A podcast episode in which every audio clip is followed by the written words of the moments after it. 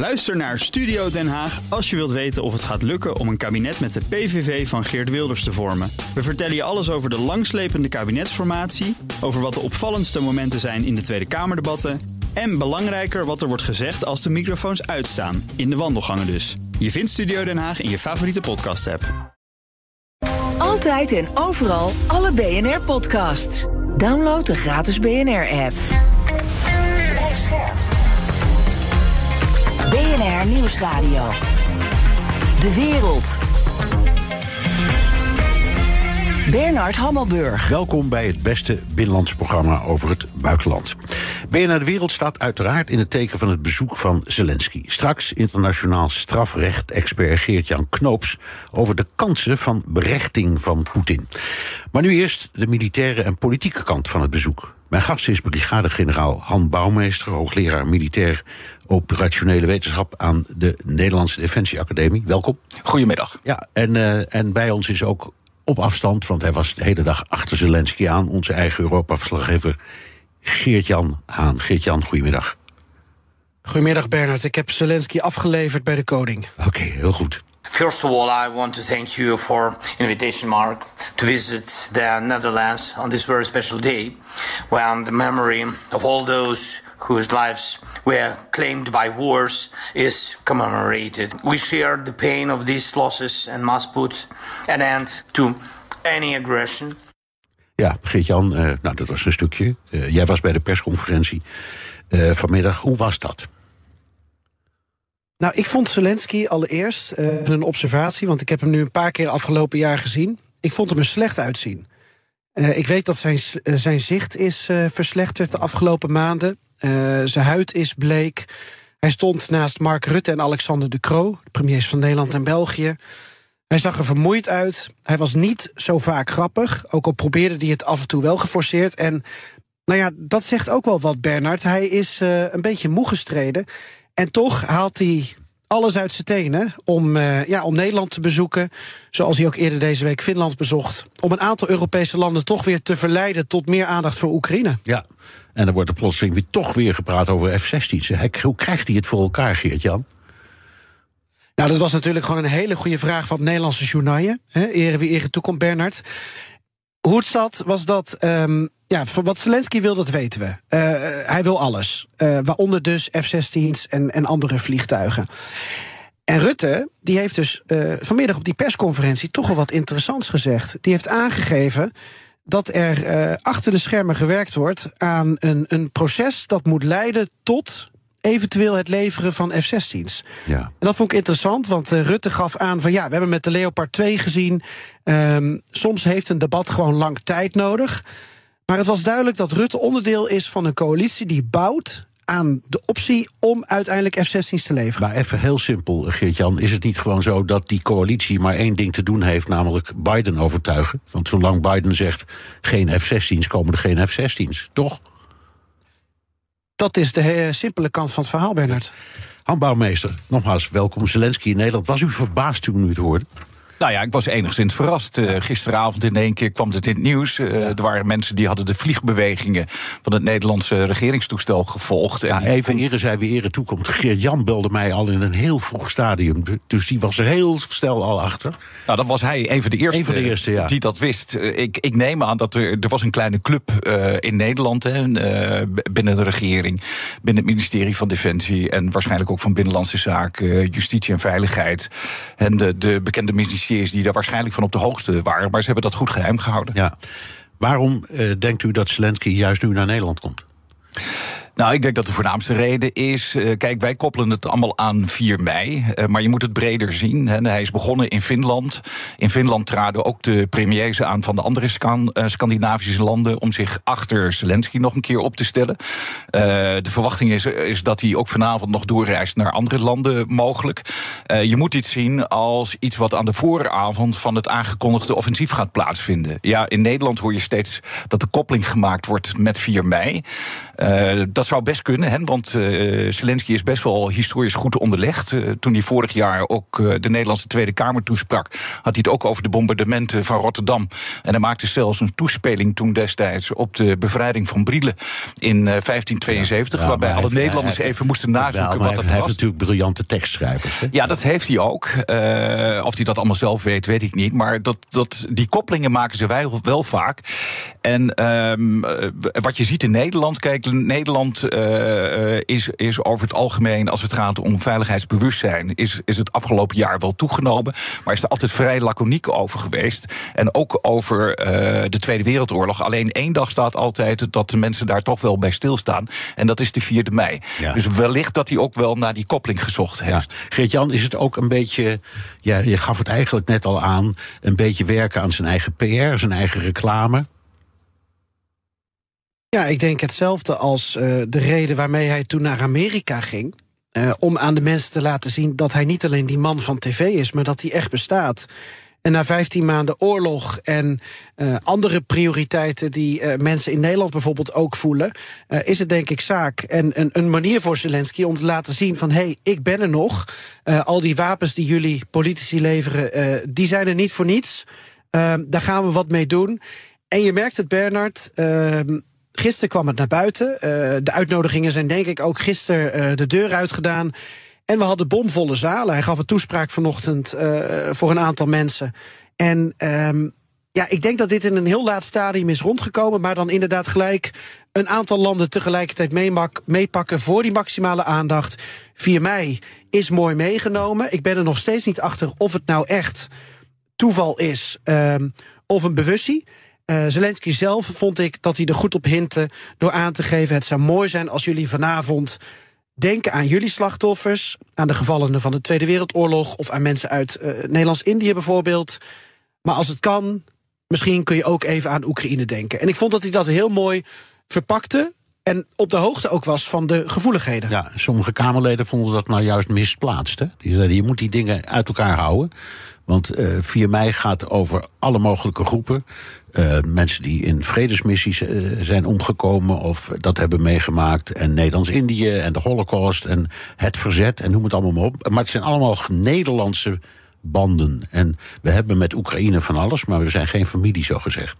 Nou ja, ik wilde één. De, ook dat die Kamerleden, heel kort behandeld. Ik denk dat die Kamerleden, ik weet niet of je het daarmee eens bent, Han uh, Bouwmeester, dat die Kamerleden wilden aangeven van ja, we hebben liever niet dat die speech op de dam vanavond.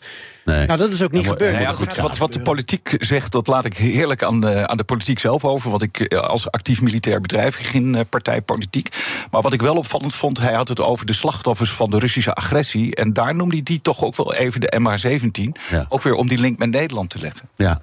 Terwijl je ook kunt zeggen dat als het over de Tweede Wereldoorlog gaat, dan had je 24 miljoen Sovjet-slachtoffers die omgekomen zijn, ook weer om ons te helpen bevrijden. Dus het zou sowieso. En er waren heel veel Oekraïners bij. Het zou een ingewikkeld verhaal zijn.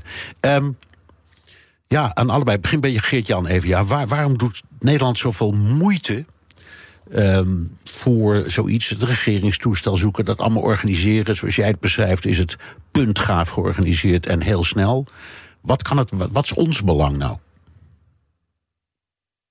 Nou, dan ga ik toch weer even naar die, uh, die politiek waar Han uh, ver van weg wil blijven. Uh, dat Rutte keer op keer aangeeft dat dit ook onze oorlog is. En dat keer op keer wordt benadrukt, in ieder geval door de landen die Oekraïne actief steunen. Nou, als je kijkt, Bernard, naar het Ramstein-overleg dan heb je het over, denk ik, zo'n 40 landen. 50, 40, 50, 40 ja. 50, soms op uitnodiging nog een paar. Laten we zeggen dat er op de wereld 60 landen zijn die actief Oekraïne steunen. Daar zitten ook landen als Kosovo bij, die niet zoveel kunnen. Hè? Um, en die landen willen keer op keer aangeven: dit is onze oorlog. Uh, Oekraïne is het voorportaal. En we moeten daar wat tegen doen. En we zijn natuurlijk ook een weg op gegaan die geen weg meer terug is. En dat is ook iets wat Rutte ook vandaag weer, uh, weer benadrukte. En hetzelfde geldt voor, uh, voor collega De Croo. Uh, we moeten hiermee door. En een mooi voorbeeld is ook dat Russisch geld waar wij in Europa jarenlang heel veel van hebben verdiend en heel veel van hebben genoten, dat dat nu van de Russen wordt afgepakt. En dat er nu serieus over wordt gesproken. Dat meldde de Kroop de persconferentie over ja, of dat geld kan worden gebruikt voor wederopbouw. Of dat geld kan worden gebruikt voor um, economische versterkingen van Oekraïne. Maar zelfs wordt er gekeken naar mechanismes en wetten of het mogelijk is om dat geld te gebruiken om in de Oekraïnse defensie te stoppen. Ja, en maar- dat zou wat zijn, Bernard. Ja, maar dan onteigen je dus. Je mag beslag leggen op de goede. Maar of je ze mag onteigenen, nou, dat moet ik nog zien hoor, juridisch. Het lijkt mij niet zo simpel. Eh, wat Daar denkt wordt u? naar gezocht, naar die mechanismes. Hebt- Hoort u dit verhaal ook, meneer Bouwmeester? Ja, ik hoor het ook. Ik, ik, ehm, ja, ik, ik, ik wil het eerst nog zien. Laat Ja. ik het zo zeggen. Dit is BNR De Wereld. Mijn gasten zijn brigadegeneraal Han Bouwmeester... en BNR's Europa-verslaggever Geert-Jan Haan. I'm grateful to you, Mark, again, and to and to the Kingdom of the Netherlands for your powerful and timely support uh, of our defense. Uh, the Patriot and other weapons that the Netherlands provided us have already saved thousands, thousands of Ukrainian lives. Thank you. Ja, Zelensky bedankt in Nederland de steun die we geven in de vorm van wapens. Ehm Han Bouwmeester, we, we- wil hij meer? We hebben het al over vliegtuigen gehad, hè, maar wat wil hij nog meer? Of gaat het meer om het tempo van levering? Nou ja, goed. Kijk, eh, de Nederlandse minister van Defensie en nu ook eh, onze premier Mark Rutte herhaalde het. eh, ook de levering van de F-16's is bespreekbaar. Dus daar zal het niet aan liggen. En we hebben het net al besproken. Wij zijn niet het enige land wat daarover gaat. Nederland wil dat dan ook graag internationaal met andere landen gaan doen. Wat ik begrepen heb nu ook van Rutte, wordt daar aan gewerkt. Maar er is één iemand die daar uiteindelijk over gaat. omdat dat uiteindelijk de producent is van de F-16 vliegtuigen. En van de meeste eh, eh, Amerikaans gemaakte moderne vliegtuigen. Dat is de Amerikaanse president. Ja. Die moet toestemming geven. en ik heb de indruk dat die nog niet overtuigd Nee, is. en, eh, even, even over die twijfel en wijfel. Want eh, iedereen was uiteindelijk wel akkoord met de levering van wat bejaardere MiG-29-toestellen. Wat voor de Oekraïners best goed is, want daar kunnen ze al op vliegen. Daar zijn ze op getraind. En eh, bij die F-16's begrijp ik het verhaal niet helemaal. Wat is er eigenlijk op tegen? Is er op tegen dat je daar makkelijker in de verleiding komt, zal ik maar zeggen, om Russische doelen te gaan beschieten? Nou, dat begrijp ik steeds van Biden dat dat erachter zit. Want Biden heeft ook moeite om eh, bijvoorbeeld voor die HIMARS, hè, die eh, lange afstandsraketten die vanaf die vrachtauto's afgeschoten kunnen worden, waar Amerika zo'n 20 systemen van heeft geleverd. Die wil wel de, de, de raketten die tot 300 eh, kilometer kunnen schieten, maar niet tot 500 kilometer. Want daar hebben ze gewoon moeite mee. Dus ik, ik vermoed dat het eh, ja, hetzelfde principe hierachter zit. Dat ze moeite hebben dat eh, ze willen voorkomen dat Oekraïne dieper doordringt in eh, Russisch grondgebied. Je hebt, je hebt bij de Patriots, die we hebben toegezegd... en volgens mij zijn er in afval al onderdelen van ook aangekomen... heb je ook twee soorten raketten. Eén afweerraket en eentje waarmee je net als met een boek... een vliegtuig uit de lucht kunt schieten. Ja, ja. Zitten daar dan ook alleen maar de afweerraketten bij... en niet die... eh, Om, om eerlijk te zijn, weet ik niet. Nee. Dat, eh, nee, daar, daar eh, zijn ook verder geen mededelingen over gedaan. Overigens doet Nederland dat samen met Duitsland en Amerika. ja, ik weet ook niet wat de de andere landen. eigenaars, hè? Ja, ja. Ja. Ik weet ook niet wat de andere landen hierin leveren. Dat moet ik heel eerlijk zijn. Nee, oké. Ehm, eh, nog even. Ehm, in elk Zelensky zei, laat, laten we in elk geval... meneer Rutte en eh, de beste ministers... alvast praten over het trainen van piloten. Dat is ook weer zo'n typische Zelensky-aanpak. Maar dan zou je zeggen, dat, kan geen kwaad. Dat betekent nog niet dat je dingen gaat leveren... maar als het er ooit van komt, dan kunnen ze er in elk mee vliegen. Ja, maar dit is een bekende tactiek in de internationale betrekkingen natuurlijk. Hè. Het begint klein en je neemt steeds meer stapjes. En uiteindelijk, en dat noemen ze dan ook wel de camel nose strategy. Uiteindelijk trek je, e- eerst begint het met het puntje van de neus. En dan uiteindelijk komt de hele kameel binnen. Ja. Eh, dus wat dat dan gaat, is, is dit wel een bekende strategie. Je bekent met iets kleins en dat wordt vanzelf steeds in stapjes enorm.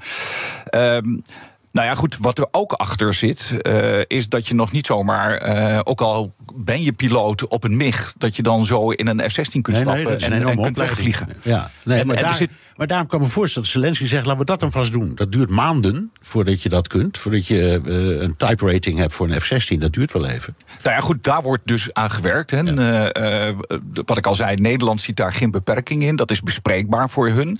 Het liefst internationaal. Maar ook daarin, denk ik, dan zijn ze aan het afwegen. wekken we dan niet te veel verwachtingen? Ja. Want dan verwacht je ook dat daar een vervolg aan gegeven wordt. Je, met je een lijkt niet voor niets op, zo gezegd. Precies. Ja. Geert-Jan, je hebt ook nog met minister Hoekstra van Buitenlandse Zaken gesproken. Hoe liep, hoe liep dat gesprek? Nou, dat ging eerst ook over die F-16's. Daar heeft hij uiteindelijk eh, ja, wat minder over gezegd dan Rutte uiteindelijk aangaf. Eh, de, de, de bekende zin: er zijn geen taboes. Eh, de, daarover zei Rutte later dus van: nou ja, dat klopt. En we zijn met dit en dit bezig. Dus dat vond ik eigenlijk wel interessant. Um, ja, ik, ik heb het met Hoekstra ook gewoon even gehad over uh, een opmerking die hij maakte over dat hij hoopt dat Zelensky binnenkort zijn bevrijdingsdag mag vieren. Oftewel, weer een. Uh, een verwijzing naar een Nederlandse dag. Het gaat vandaag om dodenherdenking, morgen om, om bevrijdingsdag. En ik begrijp zelfs, dat heb ik dan weer niet van, van Hoekstra, maar van andere mensen die ik heb gesproken, dat er allerlei ja, toch wilde ideeën voorafgaand aan dit bezoek van Zelensky aan Nederland zijn geweest. Met zelfs het kijken of Zelensky op een bevrijdingsfestival ergens zou kunnen ja, optreden, zou dat dan zijn? Dat met, is om hele begrijpelijke veiligheidsredenen afgeschoten. Met, met, gitaar of zo? Ik wil wat. Of, of alleen maar met. Ik weet niet wat hij speelt. Nee, nou ja. uh, ik, denk, uh, ik denk dat hij dan een, een, een, een acteerstukje doet, want ja, daar is hij goed in. Daar is hij heel goed in. Oké, okay, even, even, ja, kijk, even, bij Hoekstra zag je gewoon de emotie. Die was gewoon blij dat Zelensky ja, dat was. kon je zien. We hebben meegekeken met beelden. Je kon het inderdaad zien. hij sprak um, um, in het, het World Forum, in die toespraak die hij hield... Uh, ja. voor zover ik heb goed beluisterd, niet over het NAVO-lidmaatschap. Maar met Mark Rutte kwam dat weer wel ter sprake.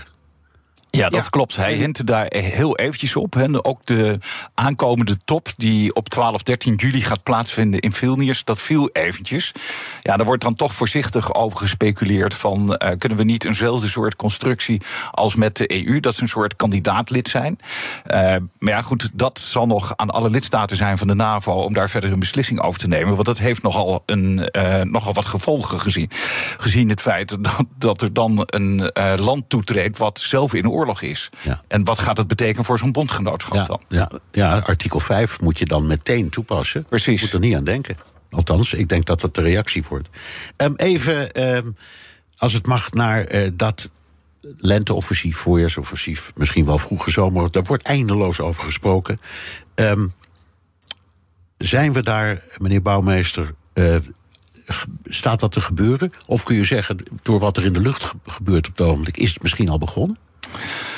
Nou ja, goed. Je, kijk, wat je nu afgelopen uh, week, anderhalve week hebt gezien. Je ziet allerlei kleine incidenten ontstaan. Hè? Ontploffingen op de Krim. Uh, je ziet in, in uh, heel westelijk Rusland, wat grenst aan Oekraïne, ontsporen treinen.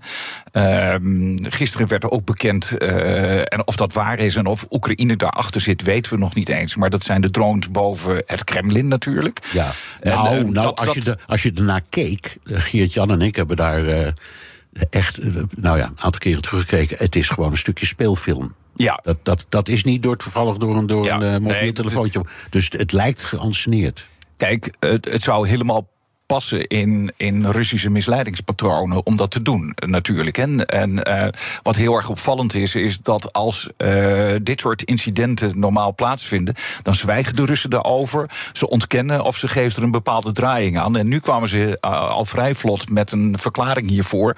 En het gekke was, gisteren werd Oekraïne veroordeeld. Ik zag dat ze nu ook Amerika veroordelen ja. voor deze droneaanval. Ja. Dus ja, ze gebruiken het ook om um, een aantal maatregelen voor zichzelf te kunnen gaan rechtvaardigen. Ja. En ook, denk ik, om hun eigen bevolking weer even. Uh, hen, dat, dat, op maat naar verdere mobilisatie. Ja, dat ze die in de stemming brengen dat alles toch wel uh, noodzakelijk is. Want uh, er staat iets vreselijks te gebeuren. Even, even hoe, hoe ver ze zijn. Want je hoort allerlei geluiden in die uitgelekte... Nou ja, goed, even, ik was nog aan het vertellen Sorry, over... Ja. ja, ik denk dat we nu in de voorbereidende fase zitten. Ja. En, wat je ziet met zo'n aanval... Ehm, je zorgt ervoor dat je voldoende en goed getrainde middelen hebt. Ehm, als als ik de NAVO mag geloven, want dat kwam deze week ook naar buiten, dan uh, heeft Oekraïne inmiddels uh, 230 westerse tanks ter beschikking gekregen. Ja, en 1550 panzervoertuigen. Ja, dat, dat zegt ja, Stoltenberg. Dat, ja, dat, ja. En, dat, en dat werd ook nog een keer bevestigd door de generaal Cavoli, de hoogste NAVO-generaal.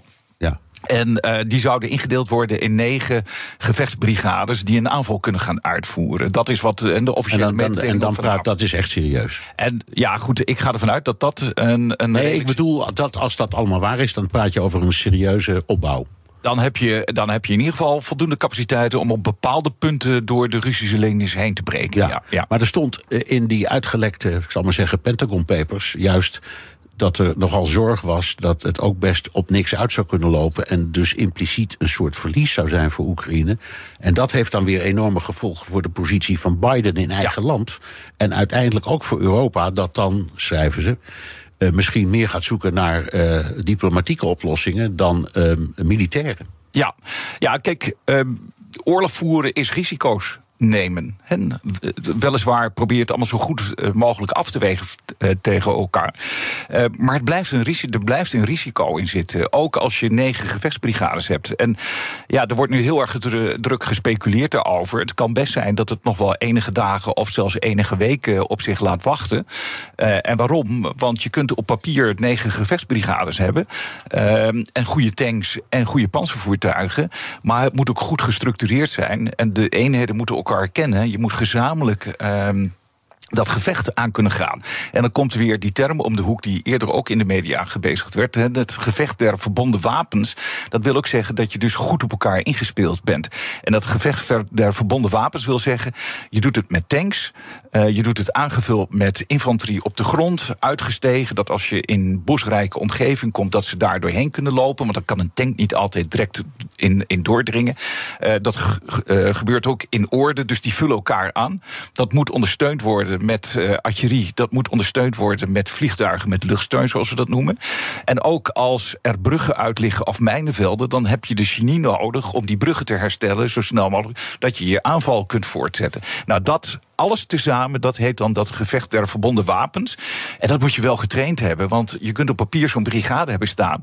Maar als dat niet goed op elkaar aansluit, als die commandanten elkaar niet kennen, dat is noodzakelijk. Waar gaat het, naar uw mening, voor het eerst gebeuren? Hoe, hoe gaat het er ongeveer uitzien als het gebeurt. Ja, het blijft uh, speculeren hoor. Dat, uh, er wordt nu gekeken naar de Krim. Uh, persoonlijk denk ik niet dat de Krim het gaat worden. Het zou wel een enorme klap in het gezicht van Poetin zijn als dat gebeurt. Hè, want de Krim is sinds 2014 geannexeerd. Maar het is heel moeilijk om vanaf de noordkant de Krim binnen te gaan. Want het gebied tussen Oekraïne en de Krim, dat is, dat is heel waterrijk. En er lopen eigenlijk maar twee grote wegen doorheen. En die zijn makkelijk te verdedigen. Dat zou je kunnen afschermen. Dus uh, wat, wat Oekraïne zou kunnen doen is, en daar wordt ook over gesproken, uh, via Saporizhia. Want het is wel lastig om die Dnipro, die brede rivier, over te steken. Um, Oekraïne heeft dat vorige week gedaan met wat kleine bootjes. Maar zwaar materieel kun je daar niet zomaar overheen zetten. Nee. En dat, dat wordt een, een, een slachting dan daar al. Dus dat wil je voorkomen. Dus dat zal dan via Saporizhia naar beneden gaan. Ten zuiden van Saporizhia heb je het gebied Melitopol liggen. En dat is, dat is nog weinig bekend, maar daar wordt op dit moment een partisanenoorlog gevoerd. Ja. En dat is nog niet volledig onder controle van uh, de Russen. De Oekraïners die zijn erin getraind, eerder al voor de oorlog, door hun eigen speciale troepen uh, op daar zo'n partisanenoorlog te voeren. Dan moet je denken aan sabotageacties, incidenten die uit de hand lopen. Ze stelen materieel, uh, ze spioneren, dus komen aan, aan de juiste inlichtingen die ook aan de Oekraïnse strijdkrachten worden doorgezet. Dus de verwachting is dat je dan, als je bij Saporizhia naar beneden gaat, dat je dan eerst naar Melitopol gaat. En dan kun je nog een stuk verder en dan kom je uiteindelijk aan de noordrand van de Krim. Maar dat zal lastig worden, omdat daar slechts die twee wegen lopen. Dus ja, dan ga je kijken waar kun je nog meer het verschil maken. Uh, dan moet je kijken naar zwakheden in de verdediging van de Russen. Daarom hebben ze ook allerlei van die probing operations. Dus om te peilen en te proeven van waar zitten de zwakke punten in die Russische verdediging. Um, en dat zal dan toch, denk ik, wat meer in de Donbassregio komen te liggen. Ja. Gert-Jan, uh, in de laatste seconde die wij hebben, wat hoor jij van jouw bronnen? Wat verwachten die? Ik denk dat Han een eind in de richting is. Dat wat we nu zien, dat dat afleidingsmanoeuvres zijn. Zodat de Russen niet weten eh, waar ze wat kunnen verwachten. En uh, ja, Melitopol, daarvoor heb je een, een, een stadje, dat is Tokmak. En een plausibel scenario is dat als de Oekraïners in één keer een offensief beginnen. En dat ook goed uitvoeren, dat ze een week nodig hebben om Tokmak te bereiken. Nou, dan is het ook gewoon een offensief dat oud in die open is. Dan is het echt zichtbaar voor jou en mij en voor Han. Um, en vanuit daar zouden ze dan verder kunnen richting Melitopol. En dat gaat dan gepaard met een aantal um, aanvallen op andere fronten. Dat is een scenario dat door een aantal analisten die ik zeer betrouwbaar achter, onder Jan Matveev bijvoorbeeld, um, ja, dat scenario ligt op tafel. Zeer spannend allemaal. Dank, brigade-generaal Han Bouwmeester, hoogleraar militaire operationele wetenschappen aan de Nederlandse Defensieacademie. En dank aan onze eigen Europa-verslaggever Geert-Jan Haan. Ook Hugo Reitsma vind je in de BNR-app. Superhandig die BNR-app. Je kunt alle programma's live luisteren, breaking nieuwsmeldingen. Je blijft op de hoogte van het laatste zakelijke nieuws. En je vindt er alle BNR-podcasts, waaronder natuurlijk de belangrijkste, Boeken zijn in de wijk. Download nu de gratis BNR-app en blijf scherp. Blijf scherp. BNR Nieuwsradio. De wereld. Bernard Hammelburg. Bij het internationale strafhof in Den Haag werd vandaag de Oekraïense vlag gehesen. President Zelensky kwam namelijk op bezoek bij het hof dat onderzoek, onderzoek doet naar de misdaden in de oorlog in Oekraïne. Do you know that the lasting peace after victory is achieved by nothing else but the strength of values? First of all, it's the strength of freedom and of law, which must work to the full of ensure justice, not hybrid promises instead of human rights. De gast is eh, Geert-Jan Knoops, advocaat werkzaam bij het Internationaal Strafhof en ook hoogleraar politiek van het internationaal recht aan de Universiteit van Amsterdam. Dag meneer Knoops. Dag meneer Hammelburg. Ehm, hebt u hem gezien bij het strafhof vandaag? Want u zit daar. Ja, in een flits. Maar uh, wij hebben niet zelf uh, contact met hem kunnen of mogen leggen. En dat is misschien ook maar goed, omdat wij natuurlijk als advocaten werkzaam voor de verdachten bij het internationaal strafhof ook een bepaalde mate van afstand, onafhankelijkheid en neutraliteit moeten bewaren. Maar we hebben hem inderdaad voorbij zien uh, gaan. En er was inderdaad een hele optocht aan veiligheidsfunctionarissen. Dus het was voor het strafhof wel een hele bijzondere dag, denk ja, ik, voor de mensen ja, die daar werken. Ja, um, ik heb denk een hele simpele vraag. Hoe kan een land ja. dat geen lid is van het strafhof een zaak willen voeren tegen uh, de, de president van een ander lid dat ook geen een ander land dat ook geen lid is van het strafhof? Hoe kan dat? Nou, dat is uh, mogelijk omdat het strafhof in het statuut, in de, zeg maar, de regels van het strafhof, de mogelijkheid heeft opengelaten. Die mogelijkheid de Oekraïne benut in 2014 door een specifieke verklaring te deponeren bij de griffie van het strafhof dat men voor een bepaald gebeuren, een bepaald evenement of incident of situatie de, de rechtspacht, zoals het zo mooi heet, van het strafhof erkent. En dat heeft Oekraïne gedaan toen er sprake was van de uh, Russische invasie in uh, de, het oosten van de Krim in 2014. Toen heeft de Oekraïne het strafhof alleen voor die situatie gevraagd de zaak te onderzoeken. En Oekraïne heeft in 2015 een tweede verklaring gedeponeerd om dat onderzoek voort te zetten. En de toenmalig hoofdaanklager van het strafhof, Nogal Bensouda, heeft toen een, een, in eerste instantie noemen we dat een preliminair onderzoek ingesteld. Uh, dat heeft uh, maar liefst zes jaar geduurd. Toen zij in december 2020 heeft vastgesteld dat er voldoende redenen waren, voldoende verdenking bestond om uh, dit onderzoek voort te zetten bij het strafhof. Alleen dat heeft tot eigenlijk de inval vorig jaar geen gevolg gekregen bij de rechters. Nee. Dus dat is de historie van deze zaak. Oké. Okay. Um, nou vraagt uh, Zelensky eigenlijk om een apart tribunaal hè, in ja. gewone taal. Ja. Um, kan dat? Of is dat ja, toch een soort van illusie? Ja. Wat moeten we ons daarbij voorstellen? Nou, daar zitten twee facetten aan, politiek en juridisch. Um, politiek kan het uh, natuurlijk als er voldoende steun is, maar dan is de vraag: wordt het een tribunaal uh, ge, uh, geleest of ge, geschoeid op de leest van de VN? Of wordt het een regionaal tribunaal dat door een aantal landen in bijvoorbeeld de Europese regio wordt opgezet? Beide mogelijkheden zijn er. De VN is natuurlijk uh, niet uh, realistisch gelet op de Veiligheidsraad waar Rusland een stem heeft. Algemene vergadering voor de, voor de VN zou ook kunnen. Maar dan moet er een tweederde meerderheid zijn onder alle landen. En de vraag is of je die haalt. Maar ik denk dat Zelensky meer doelt op een uh, regionaal tribunaal. Dus met name door Europese landen.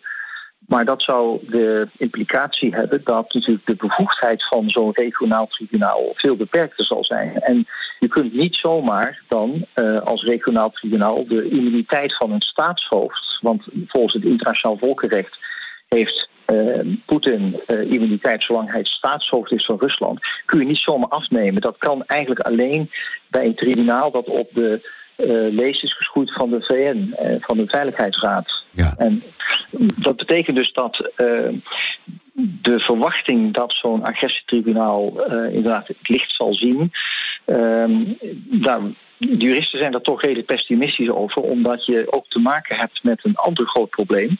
Namelijk of je in zo'n tribunaal uh, voldoende steun vindt voor wat is agressie, wat is de definitie. Ten tweede, kun je daar dan mensen berechten die niet aanwezig zijn, dus bij verstek, zoals in de MH17-zaak is gebeurd. Uh, bij de alle internationale tribunalen tot dusver is dat niet mogelijk gebleken. Daar moest de verdachte zelf aanwezig zijn in de zittingszaal om zo'n proces te laten plaatsvinden. Met uitzondering van het Libanon-tribunaal, maar dat is een verhaal apart. Um, dus daar loop je tegen. En je loopt ook aan tegen het probleem van hoe ga je, het, hoe ga je om met staatsimmuniteit als Rusland niet meewerkt aan zo'n tribunaal. Nee. Dus er zijn heel veel juridische obstakels die genomen moeten ja, worden. Dus de pessimisten ja. die lijken mij realisten, als ik u zo hoor. Um, ja. Niettemin, minister Hoekstra die zei. Uh, dat hij, -huh. dat hij uh, zo'n tribunaal graag wil huisvesten. Maar dat is, ja, hoe moet ik het zeggen, een soort van vast uh, politiek uh, deuntje. Als het om Den Haag gaat en het woord tribunaal valt, dan hebben wij de neiging om te zeggen: kom maar hier dan. Ja, ik denk dat minister Hoekstra, met alle respect, nog te weinig zich bewust is van de juridische valkuilen van zo'n agressietribunaal. Daar moet volgens mij veel beter over worden nagedacht door internationale juristen die ook de overheid moeten adviseren. Wat zijn de valkuilen? Wat zijn de voordelen daarvan? Of niet voordelen daarvan vergeleken met het internationaal strafhof, want dat is er al en dat doet al onderzoek naar internationale misdrijven, zij niet naar het uh, delict van agressie. Ik denk dat de, de, steun die Nederland al snel heeft gegeven voor het vestigen van zo'n tribunaal in Den Haag voornamelijk is ingegeven voor uh, de reputatie van Nederland. Hè, dus voor de, het hooghouden van de politieke reputatie van Nederland als hoofdstad, Den Haag als hoofdstad van het internationaal recht in de wereld. Dus het is ook goed voor de naam en reputatie van Nederland. Het kan natuurlijk ook uh, economisch voor Nederland heel interessant zijn. Gelet op de vele mensen die dan weer in Den Haag komen werken uit het buitenland. Uh, dus ik denk dat uh, dit meer een statement is van, van Nederland als, als overheid. En niet zozeer dat dit een wel doordacht plan is. Nee. Dit is BNR De Wereld. Mijn gast is Geert-Jan Knoops, advocaat werkzaam bij het Internationale Strafhof. We all want to see different Vladimir here in The Hague. The one who deserves to be sentenced for these criminal actions right here in the capital of the international law. Ja, dat was uh, best grappig eigenlijk, hè, wat Zelensky deed. Ze heten allebei Vladimir. Mm -hmm. Dus uh, eigenlijk moet die andere Vladimir hier staan. Uh, meneer Knoops, u, zei, u, gaf ja. al, u gaf al een beperking aan, want een, een zittend staatshoofd um, is uh, immuun. Um, niet, niet te min, het strafhof heeft al een arrestatiebevel uitgevaardigd tegen Vladimir Poetin. Uh, ja. En dat betekent dat als hij voet zet in een van de, wat is het, 103 of 124 landen die deelnemer zijn aan dat strafhof, dat ze hem dan moeten aanhouden. Is, ja. Bestaat die kans nou echt? Uh, ja, als hij voet aan wal zet van een van die landen, dan heeft uh, het statuut van Rome de regel dat zo'n land verplicht is mee te werken aan de uitoefening van het arrestatiebevel.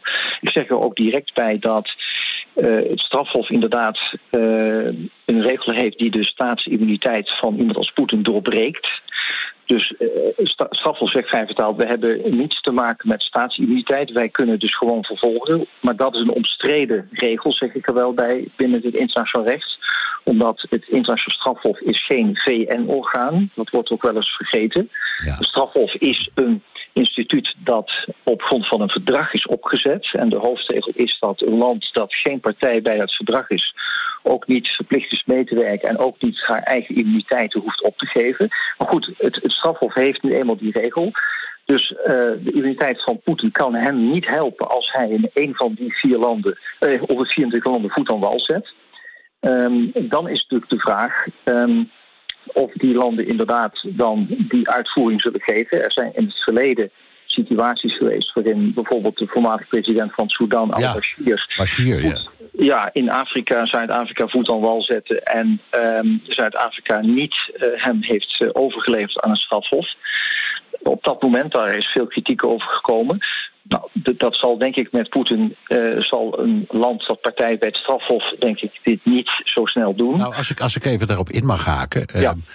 Zuid-Afrika ja, had eerst. Die, daar, daar wordt in Durban binnenkort een BRICS-conferentie gehouden. En daar is Rusland lid- van. En in, aanvankelijk had de president van Zuid-Afrika gezegd. Nou, ik nodig Poetin gewoon uit, ze kunnen me wat. Maar uiteindelijk is hij door zijn eigen kabinet en, en parlement teruggeroepen. En die zeiden: ja, dat gaat niet. Dus nu heeft Poetin te horen gekregen dat hij niet welkom is op die conferentie in Durban.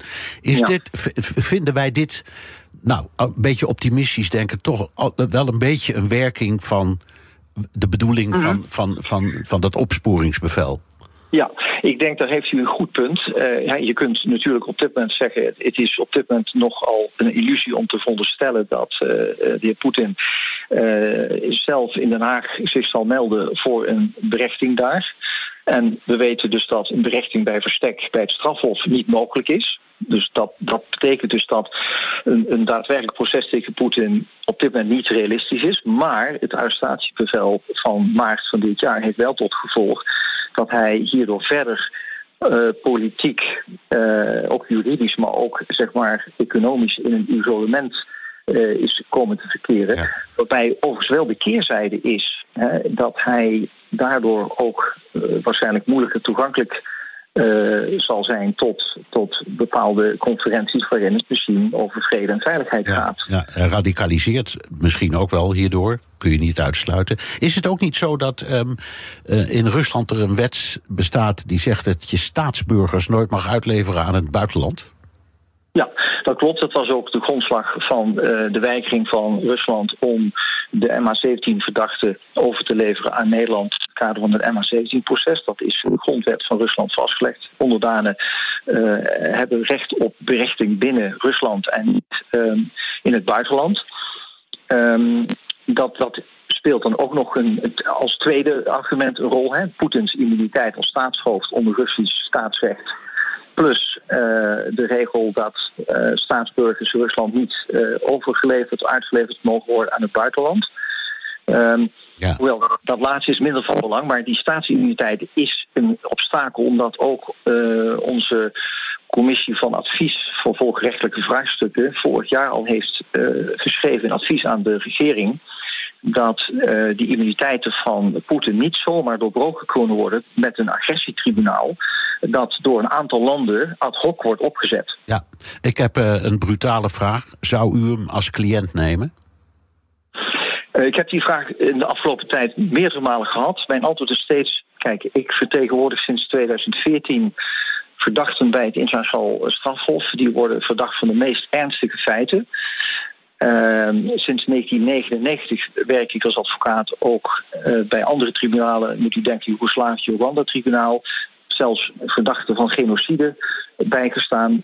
Als je eenmaal die keuze maakt eh, om ook deze verdachten bij te staan, dan mag je op voorhand nooit iemand uitsluiten.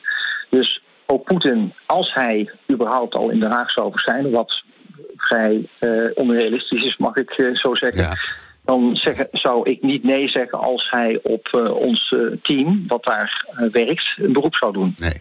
En nou, nog even tenslotte, Mhm. inhoudelijk. Wat kun je nou precies tegen hem eisen? Want er worden allerlei dingen geroepen. Zelensky had het vandaag over de maand april. Alleen al in april zijn 6000 ehm, eh, oorlogsmisdaden gepleegd. En hij noemde een hele trits andere getallen. Is dat waar? Ik bedoel, nee, nee, Ja. ik twijfel niet aan zijn woorden, maar ik, ik twijf- twijfel aan de definitie, laat ik het zo zeggen. Ja, daar heeft u denk ik ook een, een, een terechte vraag die je ook hardop mag stellen. Eh, niet alles wat wij zien en wat we horen is per definitie juridisch een oorlogsmisdrijf. Ehm, het kan heel goed zijn dat er onder al die talloze misdrijven die nu geregistreerd zijn, dat daar een aantal feiten onder zitten die eh, de toets van het internationaal strafhof niet kunnen doorstaan. Bijvoorbeeld een, een raket die afzwaait. Er, er kunnen dus misdrijven zijn of, of overtreding van het internationaal oorlogsrecht zijn geregistreerd. Die als je op de keper analyseert, ook met satellietbeelden en, en andere forensische data, niet voldoen aan de kwalificatie die het internationaal strafhof stelt. In, in mijn zaak die ik nu heb uh, onder handen heb bij het strafhof, hebben we ook met satellietbeelden soms kunnen vaststellen dat bepaalde dingen niet kloppen, waarvan getuigen zeggen, ja, dat en dat is er gebeurd. Ja. Dus je moet daar voorzichtig mee zijn. Ja, en, en je hebt snel de neiging om te zeggen: alle burgerslachtoffers, als je die bij elkaar optelt, dan noemen wij dat per stuk een oorlogsmisdaad. Ja. En dan, ja. Kom, je, dan kom je zo aan 6000 Ja. in één maand. Ja, Maar je kan ook zeggen: ja, dat zijn, met, een oorlog is nu helemaal iets vreselijks en daar vallen doden. Het is, het is niet anders. Ja, waarbij komt, hè, wat, wat is een burger en wat is geen burger? Ook daar eh, is er een, is, is, kan het diffuus zijn. Een burger die, in een, die een wapen ter hand neemt en eh, ten strijde trekt, eh, omdat hij iets om zich heen vreselijk ziet gebeuren. En het, het wapen van iemand die hij aantreft van de grond neemt en in de aanval gaat verliest op dat moment zijn status als burgerschap. En als dan een soldaat de burger in kwestie neerschiet, is het maar zeer de vraag of hij zich heeft schuldig gemaakt aan een oorlogsmisdrijf. Dus ook hier moet die status dus per situatie onderzocht worden. En daar, dat neemt zoveel tijd. En daarom is de hoofdaanklager van een strafhof zo voorzichtig Ja. eh, in, in het naar buiten brengen van eh, het onderzoek. Want het is een zeer complex onderzoek eh, met, met duizenden incidenten die onderzocht worden. Eh, maar het, het, is, het is gewoon heel complex. Dus de, de, de werkelijk, ik noem altijd de CNN-realiteit die we op tv zien, is niet altijd de realiteit in de rechtszaal. Nee. En, en dat verschil is heel moeilijk te maken en moeilijk te begrijpen soms voor de mensen thuis. Dank Geert-Jan Knoops, advocaat, werkzaam bij het Internationaal Strafhof en ook hoogleraar politiek van het internationale recht aan de Universiteit van Amsterdam. Postma in Amerika. Tijd voor het Amerikaanse nieuws door de ogen van onze correspondent in Washington, Jan Postma. Jan, Trump dreigt de eerste debatten voor de Republikeinse voorverkiezingen over te slaan. Ja, en nu ga ik je iets vertellen, Bernard, wat je nog nooit hebt gehoord uit de mond van Trump. Hij zegt dat het systeem rigged is, dat de partij hem probeert tegen te houden. Nou, een beetje déjà vu natuurlijk, hè? dat hebben we veel vaker gehoord van hem. Het bewijs eh, zit hem volgens hem in de locatie van het tweede debat. Dat is eh, namelijk in de Reagan Library gepland. Eh, dit is zijn woordvoerder. I mean, everyone knows President Trump will win any debate and the people want to see him. However, it, why go into a rigged, stacked system that we've seen before? They're choosing networks that have tried to set President Trump up in the past. They're choosing the Reagan Library, which, oh, that would maybe sound great in the past, but it's run by the publisher, the Washington Post. I mean, why should he subject himself to something that is so rigged against him? I, I think that's the point he's making. I mean, everyone knows President Trump will win any debate and the people want to see him. However, Ja, daar zat nog even een stukje, eh, kwam terug. Maar eh, eh, het gaat er dus om, die Reagan Library... die is volgens de woordvoerder van Trump... Is dat, laat dat zien dat dat allemaal niet eerlijk gaat zijn, die debatten. Want de baas van de Reagan Library... dat is ook de CEO van de Washington Post. En dat zou meteen laten zien dat al die debatten... dus niet te vertrouwen zijn. Want de Washington Post is tegen Trump, zegt Trump altijd. Dus volgens Trumps logica is dit debat dan ook niet eerlijk. Ja, ik even, even iets. Jij, jij en ik kennen die Reagan Library en vonden het geweldig. Ik, ik Ja, zou denken, voor, zeker. voor, het publiek is het een hartstikke goed idee om het daar te doen. Je hebt, je hebt de ideologie Ah. van de oude Reagan die om dat debat heen zit. Toch mooi? Ja, precies. Dat, dat klopt eigenlijk helemaal. Reagan, de held natuurlijk nog steeds van de Republikeinse Partij. Ze kunnen dan weer mooi voor dat mooie vliegtuig, hè, die Air Force de, One, de oude eh, van Reagan One. staan. Ja, ja. Ja, en dat hebben ze in 2015 hebben ze daar ook al een debat gehouden. Hè. Stonden ze daar ook met, ik geloof iets van 11, 12 kandidaten naast elkaar. En Trump ook. Zag er fantastisch uit. En toen was Trump er ook gewoon bij. ja. Hey, en Biden wil ook niet debatteren? Nee, eh, die, die, ja, die, die heeft eigenlijk eh, een positie die een beetje lijkt op die van Trump. Alleen eh, heeft hij natuurlijk nog meer te verliezen. Hè? Uh, hij is de zittende president. En ja, die proberen natuurlijk altijd die debatten te voorkomen. Proberen altijd strijd te voorkomen. Dat deed Trump ook in 2020. Uh, toen waren er niet echt uh, voorverkiezingen. Alleen de bevestiging dat hij het werd eigenlijk. Hè. En zo ging dat ook met Obama natuurlijk. Die hield ook geen debatten. Was ook geen discussie over of hij toen de kandidaat moest zijn. Biden die wil eigenlijk hetzelfde doen. En we hadden het er in de vorige Amerika-podcast al over. De Democratische Partij probeert ook echt een, een strijd te voorkomen. Alle, alles is erop gericht dat het eigenlijk niet echt voor verkiezingen worden. En ja, Republikeinen vinden dat hypocriet van Biden. En de Democraten, uh, die wijzen dan naar Trump, die eigenlijk dus hetzelfde probeert ja, te doen. Ja, nou, het, is, het lijkt mij best begrijpelijk dat je de zittende president niet van binnenuit onderuit gaat halen. He, dus zo gek is ja, dat daar zijn alleen maar verliezers. Ja. En het interessante is dan, Trump die ziet zichzelf eigenlijk nog steeds als een zittende president. Hè? Ja, nou iets anders. De wonderen zijn de wereld niet uit, Jan. Want Trump is volgende week te zien bij CNN. Bij de vijand, zou ik maar ja. zeggen. Ja, precies. Ja, en dat klinkt dan heel gek. Waarom doet hij dat? Hè? Uh, hij geeft altijd af op CNN. CNN geeft ook altijd af op Trump. Uh, maar uh, ja, die twee hebben elkaar ook nodig uiteindelijk. Dat is eigenlijk een beetje de, de cynische uitleg. Want dit levert voor allebei goede kijkcijfers op. Trump wordt ook gelijk neergezet als de koploper natuurlijk. Nou, CNN is er heel blij mee. Het was nog net geen breaking news, maar wel bijna. And just into CNN, former President Donald Trump will participate in a CNN presidential town hall next week. The former president will take questions from New Hampshire Republicans and undeclared voters who do plan to vote in the 2024 GOP presidential primary.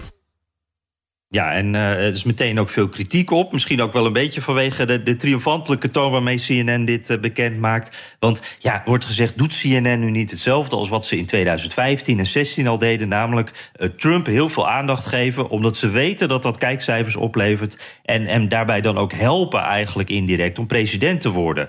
Um, ja, en uh, tegelijkertijd zou je ook zeggen... als Trump dus een townhall met CNN aandurft... dan moet een debat georganiseerd door zijn eigen partij ook nog wel lukken. Dat is waar. Ik vind wel, ik, eerlijk gezegd, waardeer En dan is de, de gespreksleider, is dat wonderkind, zal ik maar zeggen... Caitlin Collins, hè? Met, met, met, wie, ja. die, met wie die, toen die president was... continu ruzie maakte in, uh, in de perskamer.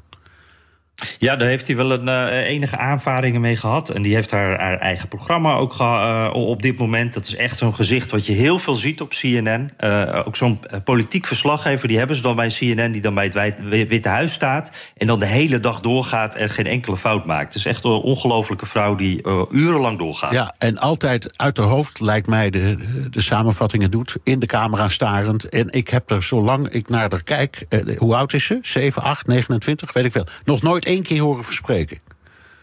Nee, ik ook niet. Nee. Oké, okay, wat verwacht je, Jan, uh, met haar en Trump in een CNN-setting?